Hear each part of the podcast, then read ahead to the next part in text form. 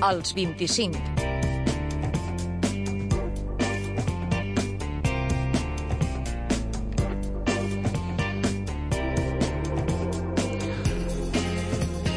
Bona tarda, encetem una nova setmana dels 25 i ho fem amb el regidor que encapçalava la llista més votada el passat 24 de maig.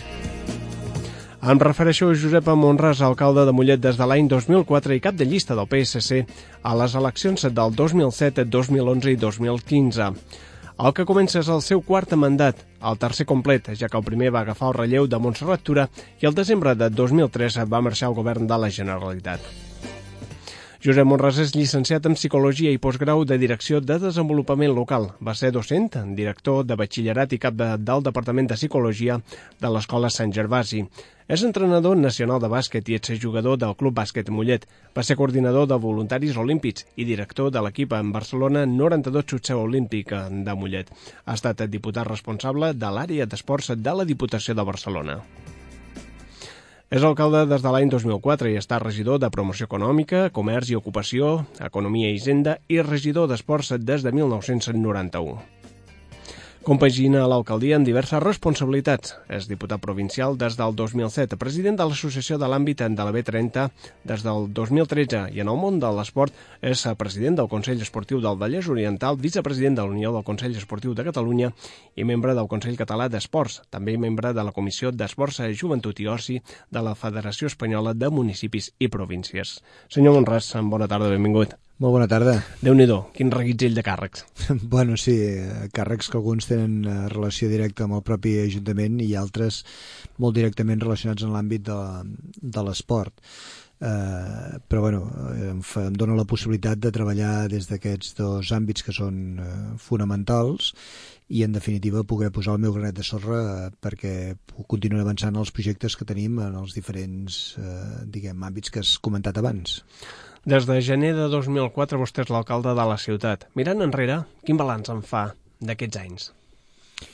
La veritat és que quan un fa balanç ha de posar les coses bones i les coses dolentes i certament i amb tota la humilitat i honestedat crec que les coses bones pesen molt més que les eh, dolentes i jo crec que hem treballat de valent per tal d'anar transformant de mica en mica diferents espais de la ciutat, que en els pitjors moments de la crisi hem pogut generar més ocupació que mai, que en els pitjors moments de la crisi hem pogut eh, doblar recursos per tant, això vol dir fer una correcta gestió dels mateixos per donar suport a les famílies que més ens necessitaven i per continuar tenint aquest esperit eh, innovador de la pròpia ciutat vers no solament de la província, sinó de Catalunya, d'Espanya i d'Europa. I em refereixo, per exemple, a l'últim reconeixement que hem tingut a nivell europeu de ser una ciutat eh, mediambientalment sostenible i tenir aquest reconeixement de ciutat verda. Les eleccions del 24 de maig, mm. en aquell dia, el mapa polític del món municipalista va variar de manera considerable. D'una banda hi va haver una gran fragmentació i de l'altra l'esquerra va recuperar posicions perdudes l'any 2011. Estem davant d'un canvi de cicle? Sí, eh, sense cap mena de dubte, els resultats electorals de, de les últimes eleccions eh, municipals arreu de tot Espanya i també d'aquí a Catalunya demostren uns canvis determinats de tendència que caldrà veure si es consoliden o no. I, per tant, les tendències són això, però el que cal és aquesta consolidació al llarg del, del temps.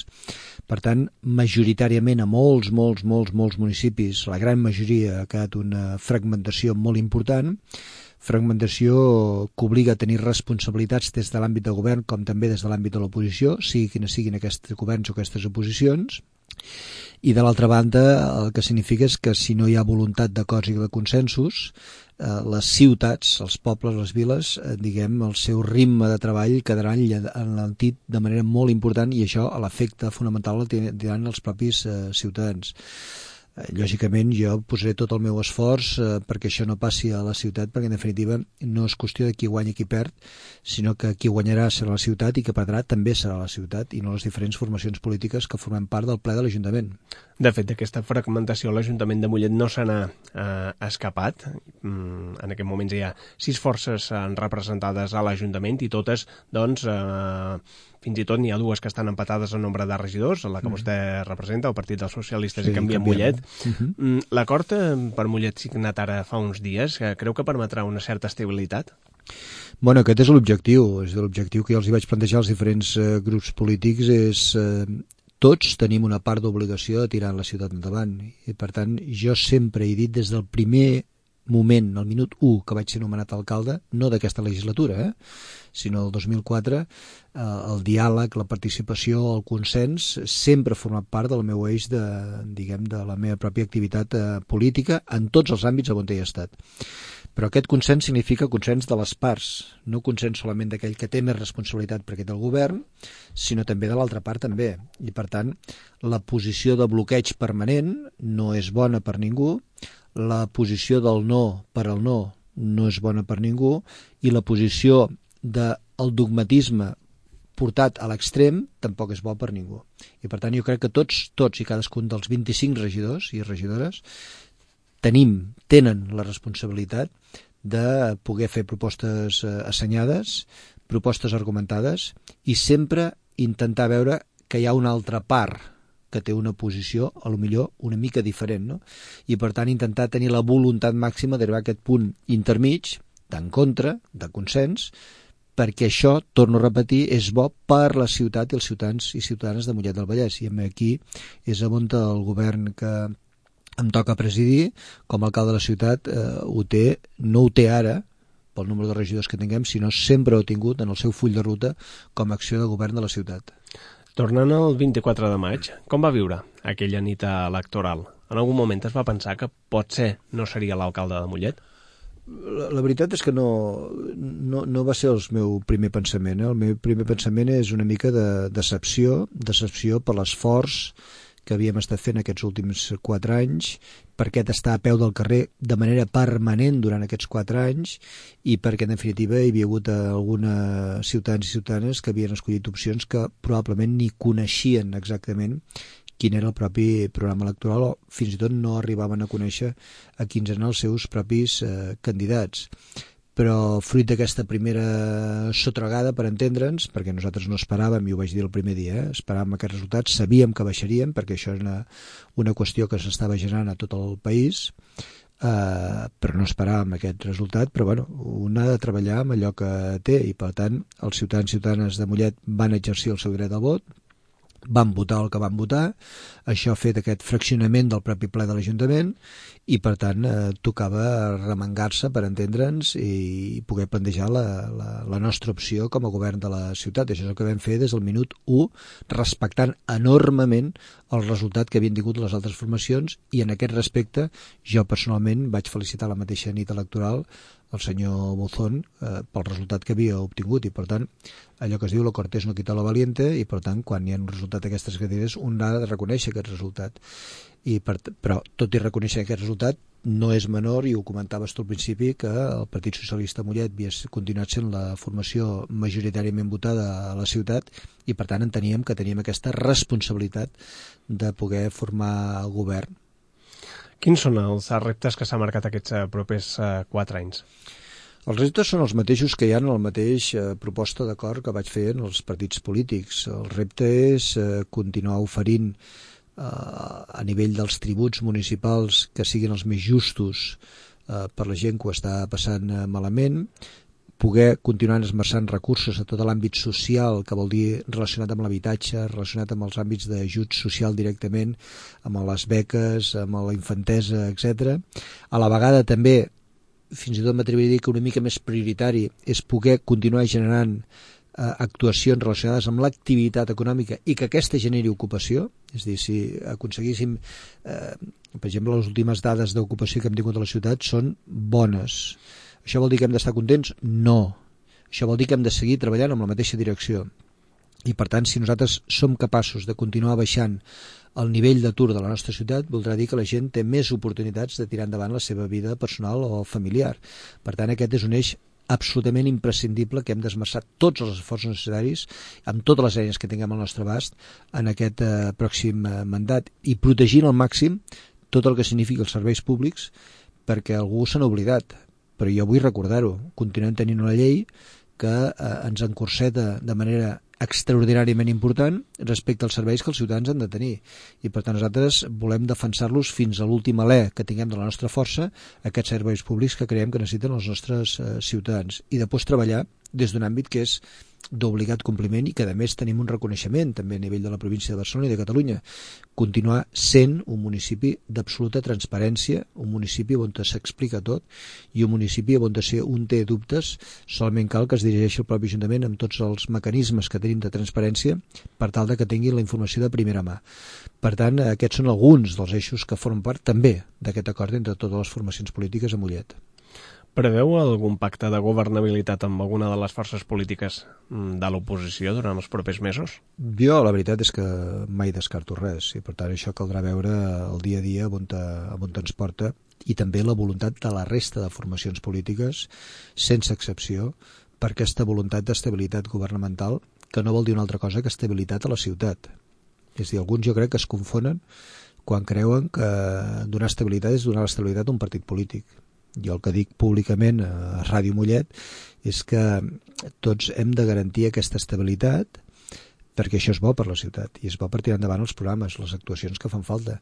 Si tot el dia estem tancats en un despatx discutint punts, comes i matitzacions, això vol dir que mentre la ciutat està parada amb alguna acció que potser és imprescindible. I per tant crec que és una època on tots hem de ser lo suficientment generosos per arribar a aquests consensos en benefici, repeteixo i reitero una vegada més, dels ciutadans i ciutadanes de Mollet. I què responen aquells que diuen que aquest pacte ja existeix amb Ciutadans, Convergència i Unió i el Partit Popular? Bueno, segurament és el mateix pacte que ells buscaven. El que passa que jo no entenc és que quan un pacte és dolent i quan l'altre busca el mateix pacte exactament el mateix no és, és bo. Escolti'm, us ho tindrien que aclarir. Hi ha altres formacions que han buscat també aquests partits polítics per arribar a aquests pactes i per tant, què vol dir? Que quan ells els proposaven eren bons i quan els proposen nosaltres no són bons? Si són bons seran bons, si són dolents seran dolents. Però jo crec que ni el, estem en un, en un espai polític que, fixeu-vos, els últims aconteixements en, en política ho demostren clarament. Eh? El pacte està, eh, està per sobre està per sobre d'aquests eh, processos, diguem, excessivament tancats i dogmàtics eh, que té la política. Qui havia de pensar que una persona rellevant d'iniciativa per Catalunya seria el cap de llista d'una llista de Convergència i Esquerra Republicana? Quan aquestes mateixes persones, uns i altres, eh, es havien dit absolutament de tot. De tot Esquerra de Convergència, Convergència d'Esquerra, Esquerra d'Iniciativa, Iniciativa de Convergència. Per tant, estem en un altre escenari polític. Per tant, aquest escenari polític tots n'hem de ser coneixedors. A mi l'únic que em mourà no són els dogmatismes dels partits ni les marques dels partits, sinó a mi l'únic que cregui que és el millor per la ciutat de Mollet. Ja que ho has mig esmentat, en parlem del procés. Com ho el veu? Amb preocupació, amb preocupació perquè quan un va votar, crec, sincerament, que ha de votar eh, moltes coses. Ha votar que creu que el govern eh, del país, en aquest cas, que és el que parlem, vol fer en el país. I jo crec certament de que estem ara mateix en un escenari mediàtic, mediàtic, que ofusca la pròpia realitat del país. És a dir, jo vull saber si continuem generant accions de promoció de l'ocupació, si desbloquejarem tots els ajuts socials que ara mateix estan bloquejats. Quin pla d'inversions i a on es faran aquestes inversions pel país per generar activitat econòmica o millorar la mobilitat del propi país. Jo també vull que se m'expliqui això i per tant no em vull quedar única i exclusivament si, si voto per la independència o no voto la independència, no. Aquí hi ha altres formacions polítiques que cada una amb el seu model respectable, no vol dir que el comparteixi, però el respecto enormement, plantejaran eh, qüestions eh, per Catalunya eh, i per tant això el que ens podria arribar a provocar que d'alguna manera ja ho ha estat provocant és aquesta, aquesta també trencadissa social a la pròpia societat. O estàs amb mi o estàs contra mi.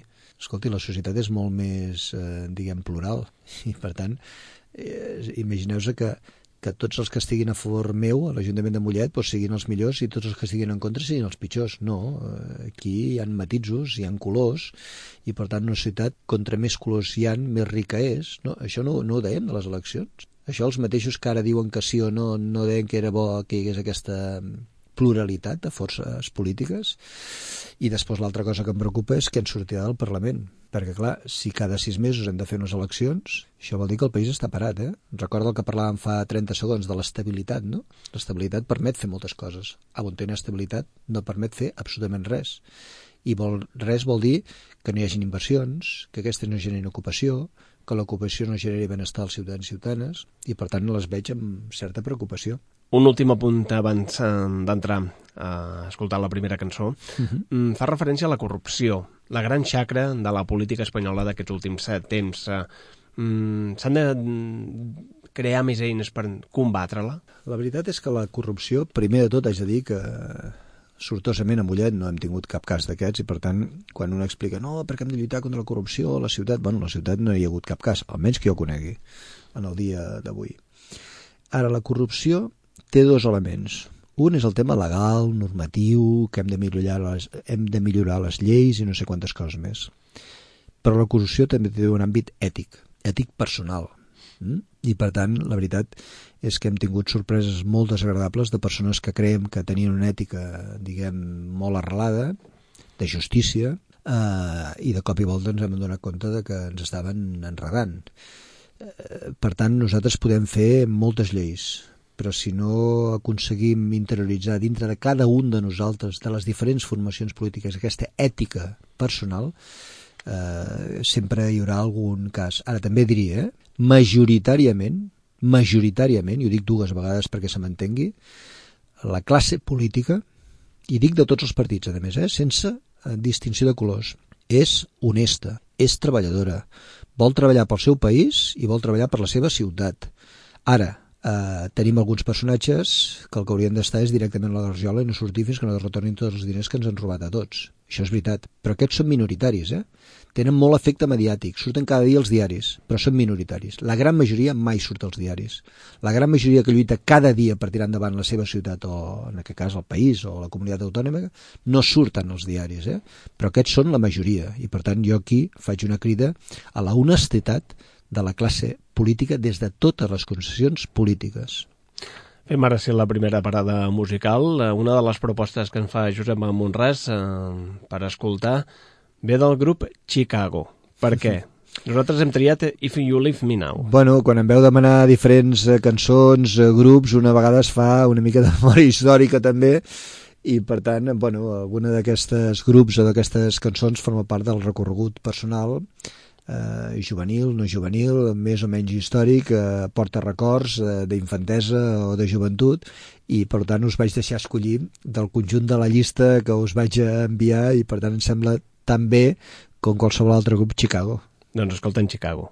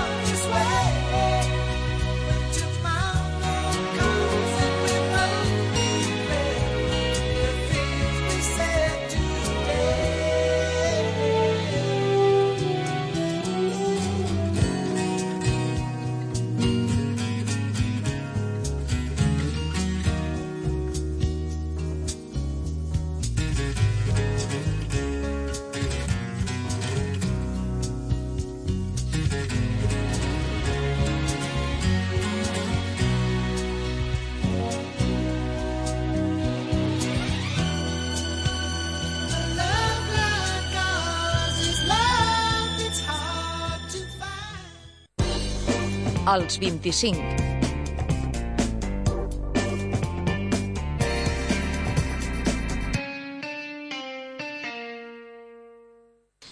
Doncs eh, després d'aquesta breu pausa musical i tornem amb doncs, la vessant més personal de l'entrevista. Li preguntem sempre als eh, nostres convidats eh, on viuen. On viu Josep Monràs? Bueno, encara que molta gent pensi que vic fora de Mollet, tota la vida he viscut a Mollet, continuo visquent a Mollet i espero fer-ho durant molts, molts anys. En l'àmbit de la política, certament, eh, la rumorologia mal intencionada amb gent que solament té ganes de fer mal sembla com si no sigués feliç aquesta gent eh, està a l'hora del dia però jo visc aquí a Mollet he viscut tota la vida aquí a Mollet eh, vaig néixer fins i tot a casa dels meus eh, pares eh, en aquell moment eh, bueno, vaig néixer directament a la casa i, i espero durant molts anys continuar visquent aquí a la ciutat de, de Mollet que és la meva ciutat En quin barri? El barri del centre. Està fronterer amb el barri de Riera Seca, però és el barri del centre. Sí, sí, sí. Paga, pago la quota de l'associació de veïns, també. Què és el que més li agrada de la ciutat a, a la que viu? La ciutat al que vic m'agraden, així globalment, eh? dues, dues coses. Els, els espais de convivència que tenim, el Parc de les Proneres, la Rambla, el plaça Pau Casals, Gallecs i la frenètica activitat que té, que jo que és exemple no solament la comarca sinó la província, quan parlo amb altres alcaldes i els explico les agendes culturals i esportives i d'activitat cívica que tinc a la ciutat, eh, se'n fan, eh, se fan creus, perquè algunes ciutats s'hi entenen algun cap de setmana, alguna activitat, però aquí un agafa l'agenda, i us asseguro que l'agafo cada cap de setmana, i, i té activitats per totes les edats, per tots els gustos i cada cap de setmana hi ha infinitat d'aquestes activitats. Jo crec que són dos elements de singularitat de Mollet. Li crea satisfacció el fet de, quan passeja per la ciutat, veure que un mateix ha incidit en que allò sigui d'aquella manera? Home, sense cap mena de dubte, jo crec que qualsevol persona que pogués negar aquesta evidència estaria, bueno, estaria enganyant. Quan un passeja per les proneres i sap que allò ha sigut a iniciativa de, del govern que representes i que hi has treballat directament, tot i les crítiques que t'has enfrontat amb alguns col·lectius perquè creien que allò no s'havia de fer, però després al cap d'un temps aquests mateixos col·lectius et reconeixen el propi projecte, bueno, això clar, lògicament és un element de, de satisfacció, però també he explicat una altra cosa, eh? això són elements de satisfacció, que ens otorguin un premi europeu també és un element de satisfacció, però encara és molt més satisfacció quan, per exemple, aquest dissabte em vaig trobar un ciutadà eh, tot passejant pel carrer que, diguem, em donava les gràcies pel pla d'ocupació amb el que estava.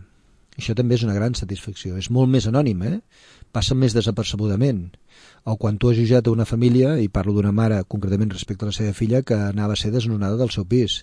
I gràcies a la mediació del propi Ajuntament s'ha transformat aquesta, aquest possible desnonament en un lloguer social bueno, aquestes petites coses que passen anònimament, que ningú les coneix ni té per què conèixer-les, són les que probablement també omplen molt més de satisfacció perquè són molt més directes i més personals. Per què va entrar en política?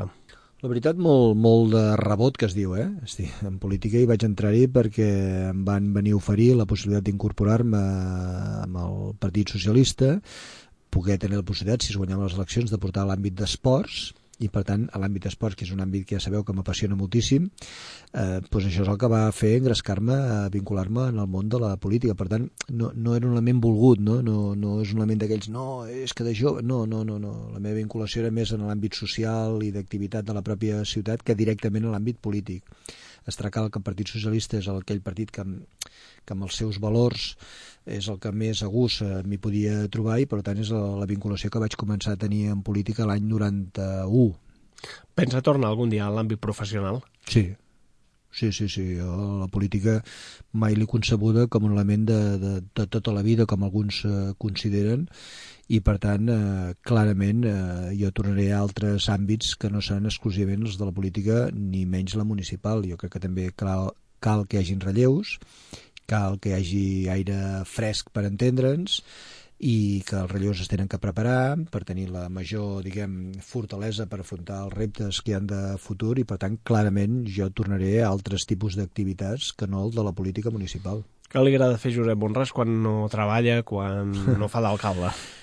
Bueno, la veritat és que a mi el que m'agrada és estar amb la meva família, amb la meva dona i els meus fills, encara que la meva filla ja té la seva vida pel seu costat, pel meu fill, seguir-lo a nivell de bàsquet, també els meus fills, això és una cosa que m'agrada, veure els partits on juguen, i llegir tranquil·lament eh, a casa eh, o fora de casa el diari o un llibre tranquil·lament o veure algun programa esportiu. Això és el que realment més ens satisfà i per tant tenir l'oportunitat d'aquestes petites, molt petites desconnexions del dia a dia del món municipal. Vacances, en farà aquest estiu? Mirem de fer-ne algunes, sí, encara no tenim els dies predeterminats perquè encara queda molta feina a fer durant tot aquest mes de juliol i per tant encara no tenim res, absolutament res planificat, eh? però sí, alguns dies és imprescindible per un mateix, per la seva salut i també per la família, perquè la família també es mereix que estiguis al seu costat. Fem la segona parada musical de, de l'entrevista, en aquest cas a Phil Collins, per què? Molt bé.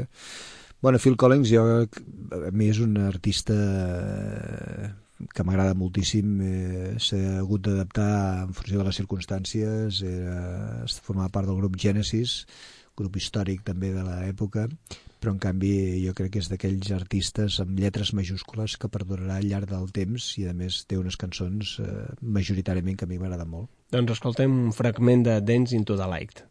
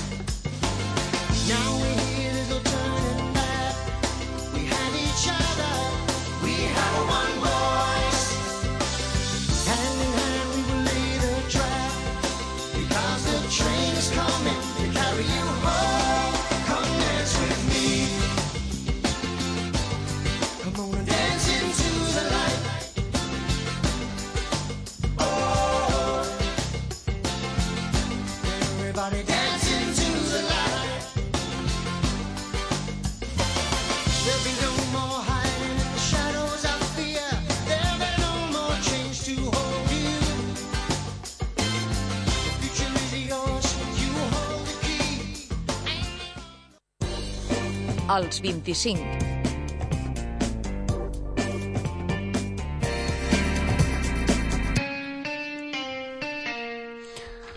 Entrem a la recta final d'aquesta conversa amb Josep Monràs i ara el, del que es tracta és de respondre 25 respost, preguntes de resposta ràpida, que en diem. Ho intentarem. Doncs Josep Monràs, carn o peix? Peix. Cafè o te? Cafè. Mar o muntanya? Indiferent. Mariano Rajoy o Pedro Sánchez? Pedro Sánchez. Encorbat o sense? Uh, sense. Madrid o Barcelona? Les dues ciutats són fantàstiques. En quin polític aniria a sopar? en quin polític aniria a sopar? Felipe González. Amb quin no hi aniria mai? Ai, pues segurament amb el Rajoy. Esquerra o dreta? Esquerra. Transport públic o privat? Públic. A peu o en bicicleta? A peu. Novel·la o poesia? M'agrada més l'assaig. Avui a La Vanguardia. Vanguardia. El País o La Razón. País. Facebook o Twitter. Cap dels dos. Escola pública o concertada. Eh, tinc que dir la concertada perquè és la que formo part, com és l'escola Ciència Bàsic, però haig de dir que és una escola concertada, que és una cooperativa de treballadors. Habitatge de lloguer o de compra? Jo tinc un habitatge de compra hipotecat, per tant, habitatge de compra. Futbol o bàsquet? Bàsquet. Uh, Messi o Cristiano Ronaldo? Messi. Tele o cinema? Tele. Una pel·lícula? Uh, la vida de Brian. Un llibre? Más Platón i més Prozac. Una cançó? La cançó del Serrat de Esos locos pajitos. Una sèrie? Uh, no sé. Uh, no se m'acudeix uh, cap. Aquí no hi quien viva. I per acabar, un lloc per anar de vacances. Un lloc per anar de vacances? Galícia. Doncs senyor Josep Monràs, gràcies per haver-nos acompanyat i molta sort aquests propers 4 anys. Gràcies a vosaltres. Els 25